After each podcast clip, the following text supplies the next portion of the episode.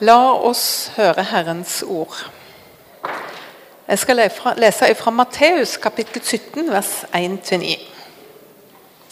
Seks dager senere tok Jesus med seg Peter, Jakob og hans bror Johannes og førte den opp på et høyt fjell hvor de var alene. Da ble han forvandlet for øynene på dem. Ansiktet hans skinte som solen, og klærne ble hvite som lyset. Og se, Moses og Elia viste seg for dem og snakket med ham. Da tok Peter til orde og sa til Jesus.: Herre, det er godt at vi er her. Om du vil, skal jeg bygge tre hytter. En til deg, en til Moses og en til Elia. Mens han ennå talte, kom en lysende sky og skygget over dem, og en røst lød fra skyen. Dette er min sønn, den elskede. I ham har jeg min glede. Hør ham. Da disiplene hørte det, kastet de seg ned med ansiktet mot jorden, grepet av stor frykt. Men Jesus gikk bort og rørte ved dem og sa, 'Reis dere, og vær ikke redde.' Og da de løftet blikket, så de ingen andre enn ham, bare Jesus. På veien ned fra fjellet ga Jesus dem dette påbudet. Fortell ikke noen om dette synet før menneskesønnen har stått opp fra de døde. Slik lyder Herrens ord.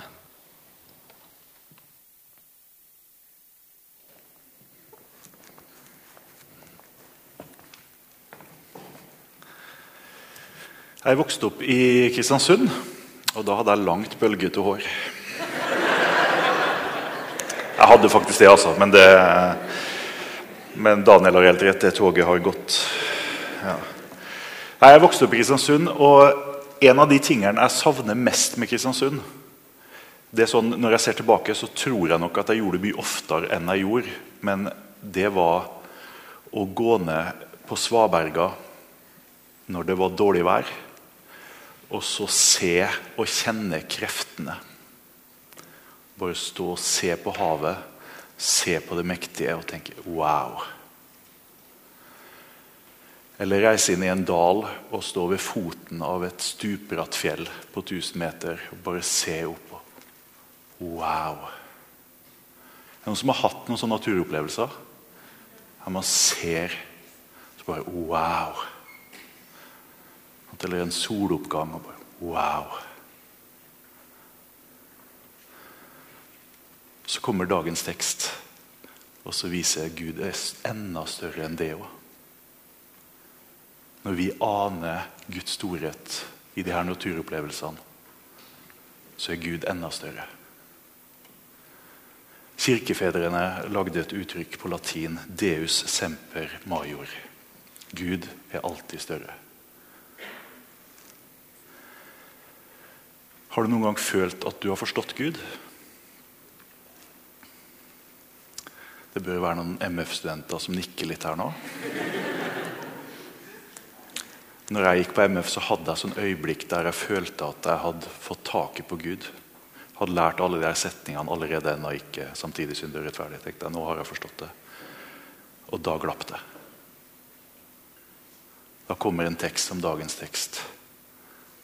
Deus semper major. Gud er alltid større. For to uker siden så preka jeg om Bartimeus, om den blinde mannen om Jesus som kommer til oss og spør hva vil du jeg skal gjøre for deg. En stor og viktig del av evangeliet. Og I dag så møter vi en helt annen Jesus. En Jesus som tar med disiplene opp på et fjell de ikke har bedt om å bli med opp på. For å så gå ned fra fjellet og lede dem på en vei de absolutt ikke vil gå, til Jerusalem for å se sin Herre lide og dø. Vi møter en Gud som fører oss, eller førte disiplene dit de ikke ville. Er det min telefon? Nei. Vi møter en Gud som gjør det uventa. Som leder oss på en ukjent vei. Og som kan gjøre større ting enn vi tør å be om. Deus semper major. Gud er alltid større God works in mysterious ways.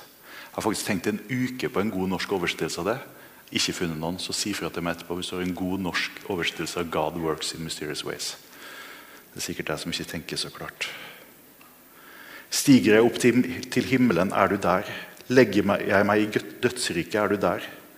Tar jeg soloppgangens vinger og slår meg ned der havet ender, da fører din hånd meg også der. Gud er alltid større. Og i Guds allmakt, i møte med Hans velde, der finner vi også troen på hans nærvær. Der finner vi også tilliten til at han holder verden i sin hånd. Der er håpet om at han vet, han bærer, han er Gud. Deus semper major. For de som følger med godt nå, allerede er lei av at jeg gjentar Deus semper major hele tida. Vær tålmodig. Hvis du skal huske én ting fra i dag, hvis du bare sitter igjen med én ting etter den gudstjenesten her, så la det være at Gud alltid er større. Den allmektige, himmelen og jorden skaper. For hva er det som skjer her? Hva er det som skjer i den teksten vi leser? Bare ved et overfladisk blikk på teksten så får vi de viktigste hinta. Hvis vi ser på iscenesettelsen til Matteus. Vi har et fjell. Hvor ellers i Bibelen leser vi om fjell? Moses som går opp til fjellet fordi han ser en brennende tornebusk. Han ser en busk som ikke brenner opp selv om den brenner, og går bort til busken. Og Når han nærmer seg, hører han Guds stemme som sier 'ta av deg på beina', for stedet du står på, er hellig grunn'. Og Det er akkurat som at det ikke er busken som brenner, men det er Guds herlighet som brenner. Og vi får Gud som åpenbarer sitt navn. Jeg er den jeg er. Neste gang vi er borte i et fjell, så er det på Sinai. Israelsfolket er i ørkenen. Moses går opp på et fjell og får de ti bud, får loven. Og folket Altså Guds herlighet er så sterk på det fjellet at folket kan ikke gå til foten av fjellet engang, for da dør de. For så sterk er Guds tilstedeværelse på det fjellet. Så kan vi gå videre på Elia, til Elia på Karmelfjellet, som slåss eller har en konkurranse med en drøss med balprofeter om hvem som har den mektigste guden. Og Bal klarer ikke å fortære sitt offer, men Elia ber til sin Gud, til vår Gud. Og det bare forsvinner. Ilden bare kommer og tar det. Eller vi kan gå til fjellet der Elia gjemte seg etterpå når han ble redd, og hvor Gud kommer i den stille hvisken. Alt det her har Matteus med når han skriver at Jesus tok disiplene opp på et fjell. Han iscenesetter en herre, en Jesus, som bærer all denne herligheten i seg. Og hvor ellers i Bibelen leser vi om en sky?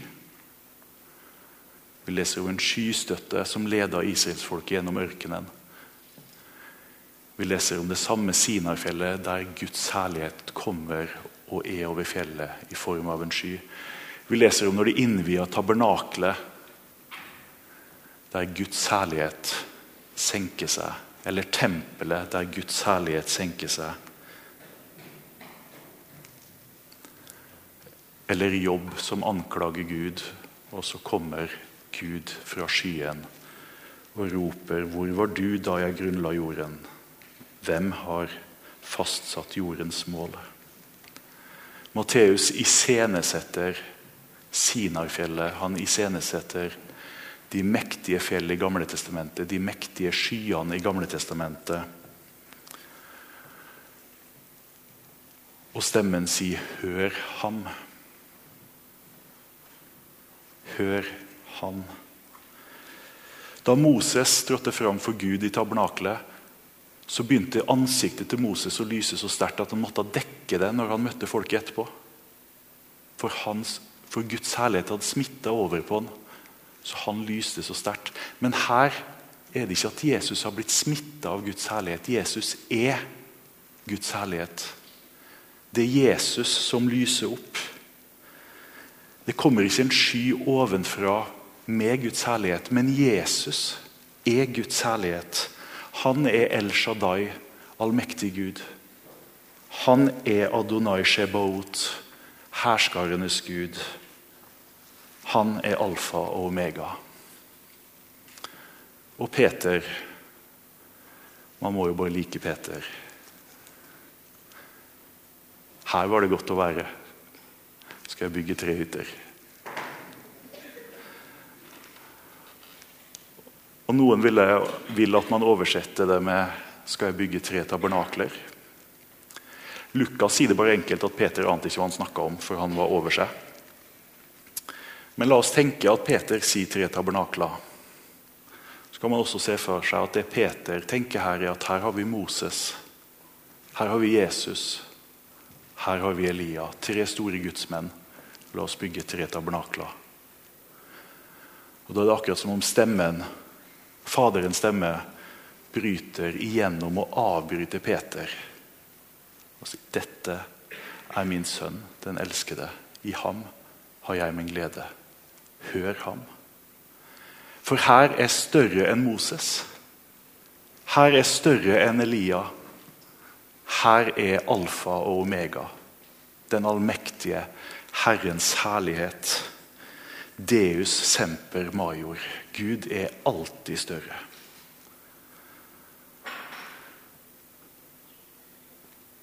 Og så gikk ikke, eller jeg tror ikke Jesus gikk opp på det fjellet her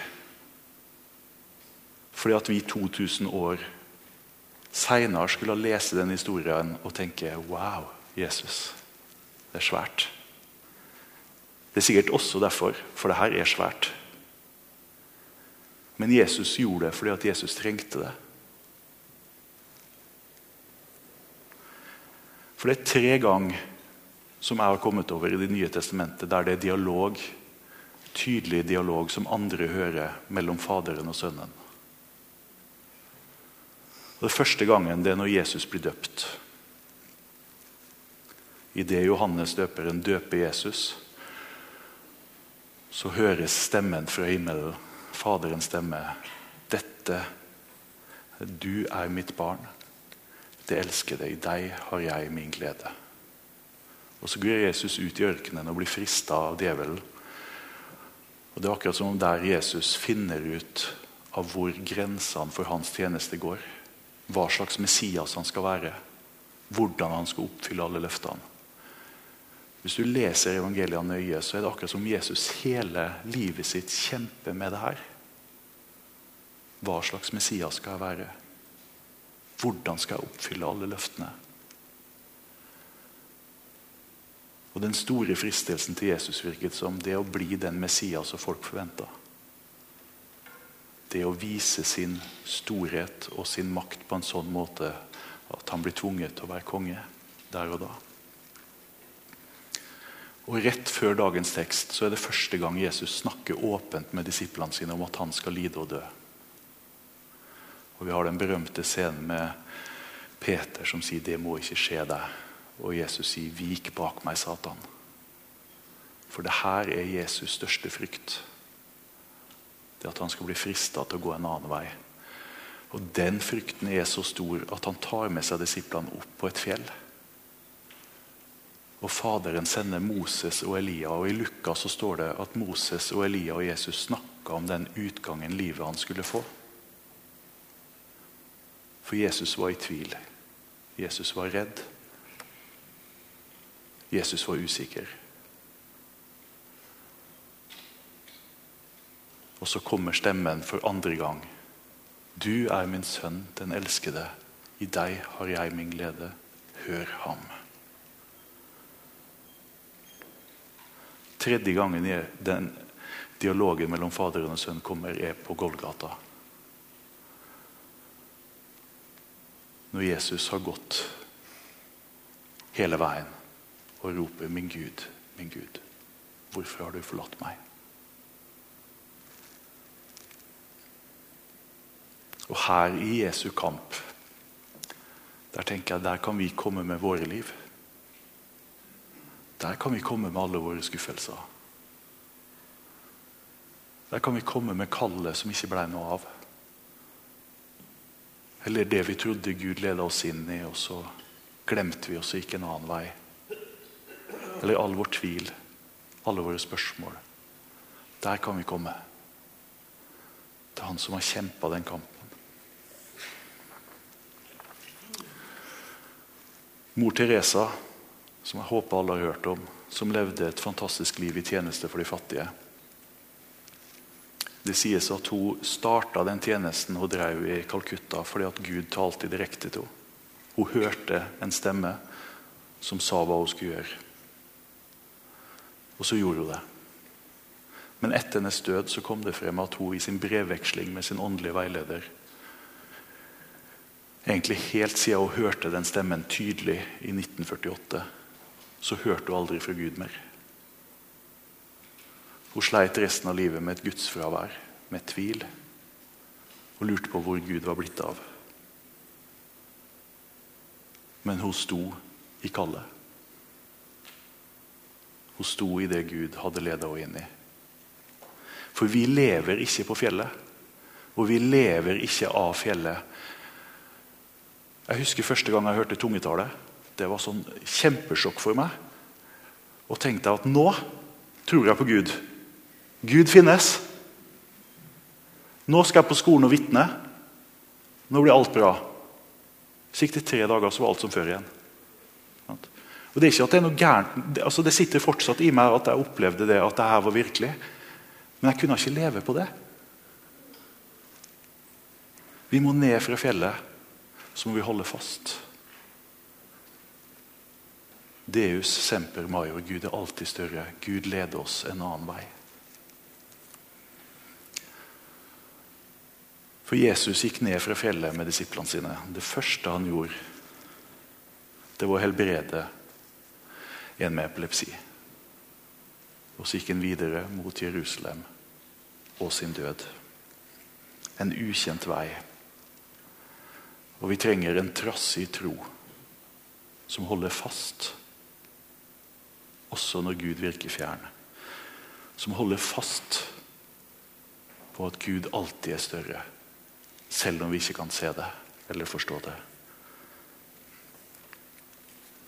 For i møte med den allmektige, i møte med Guds herlighet så skjer det tre reaksjoner i disiplene. Jeg synes jeg gjenkjenner det også i resten av Bibelen. At det skjer tre reaksjoner. Og Vi skal gjøre noe som dere kanskje syns er kleint, men vi skal gjøre det allikevel. For da kanskje dere husker det, kanskje det setter seg i kroppen. Vi skal reise oss, og så skal vi utføre de tre reaksjonene disiplene har.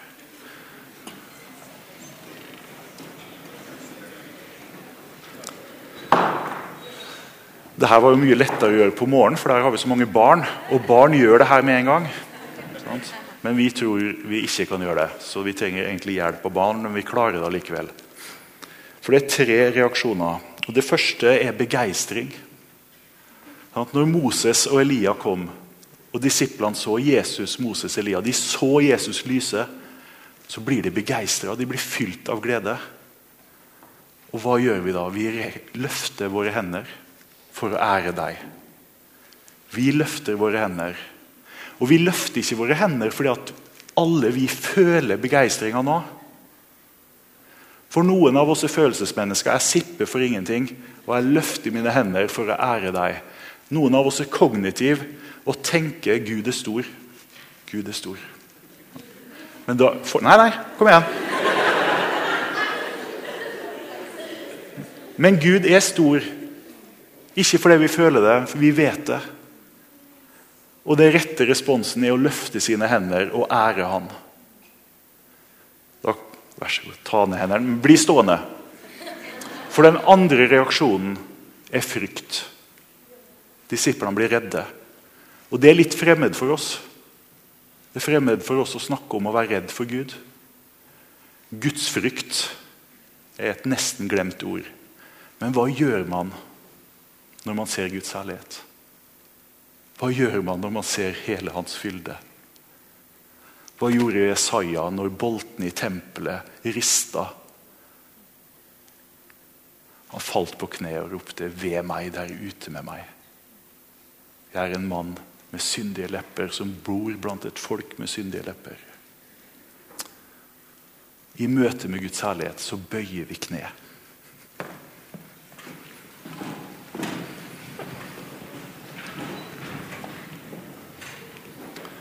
For vi bøyer oss for den allmektige, han som har skapt himmel og jord.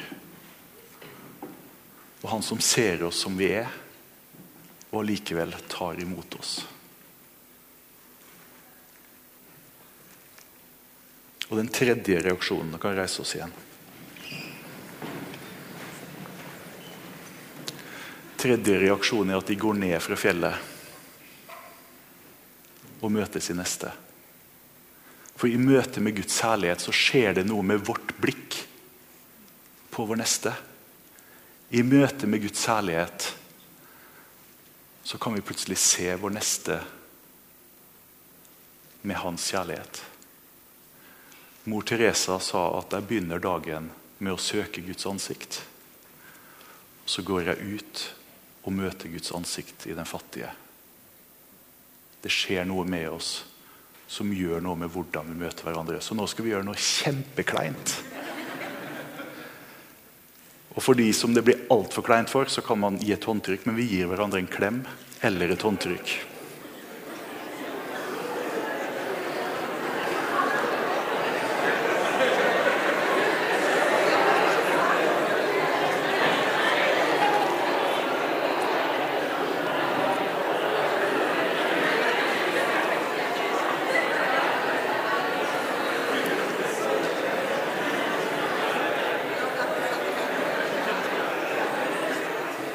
Jeg syns dere er gode.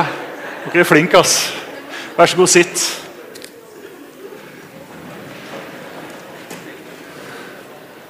I møte med Guds herlighet skjer det noe med oss. Vi blir fylt av glede og begeistring.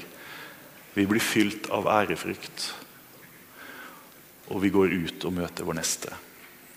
For det skjer noe med vårt blikk. Det skjer noe med oss. Synet på oss sjøl. Synet på Gud og synet på vår neste. Nå skal vi bruke litt tid i stillhet. Eller du kan også samtale med sidemannen hvis du ønsker det. Du velger sjøl. Det kommer spørsmål opp på skjermen her. Og det, Jeg fikk beskjed om at det første spørsmålet er utrolig dårlig norsk. Hvordan tenker du, føler du, erfarer du? Tanken min var det jeg sa i stad. Noen av oss føler. Noen av oss er kognitiv. Noen av oss erfarer på andre måter. Så derfor dårlig norsk. Men kanskje det passer på de fleste. Så ta, Vi tar tre minutter der du enten i stillhet kan tenke gjennom det her, eller du kan samtale med sidemannen om det.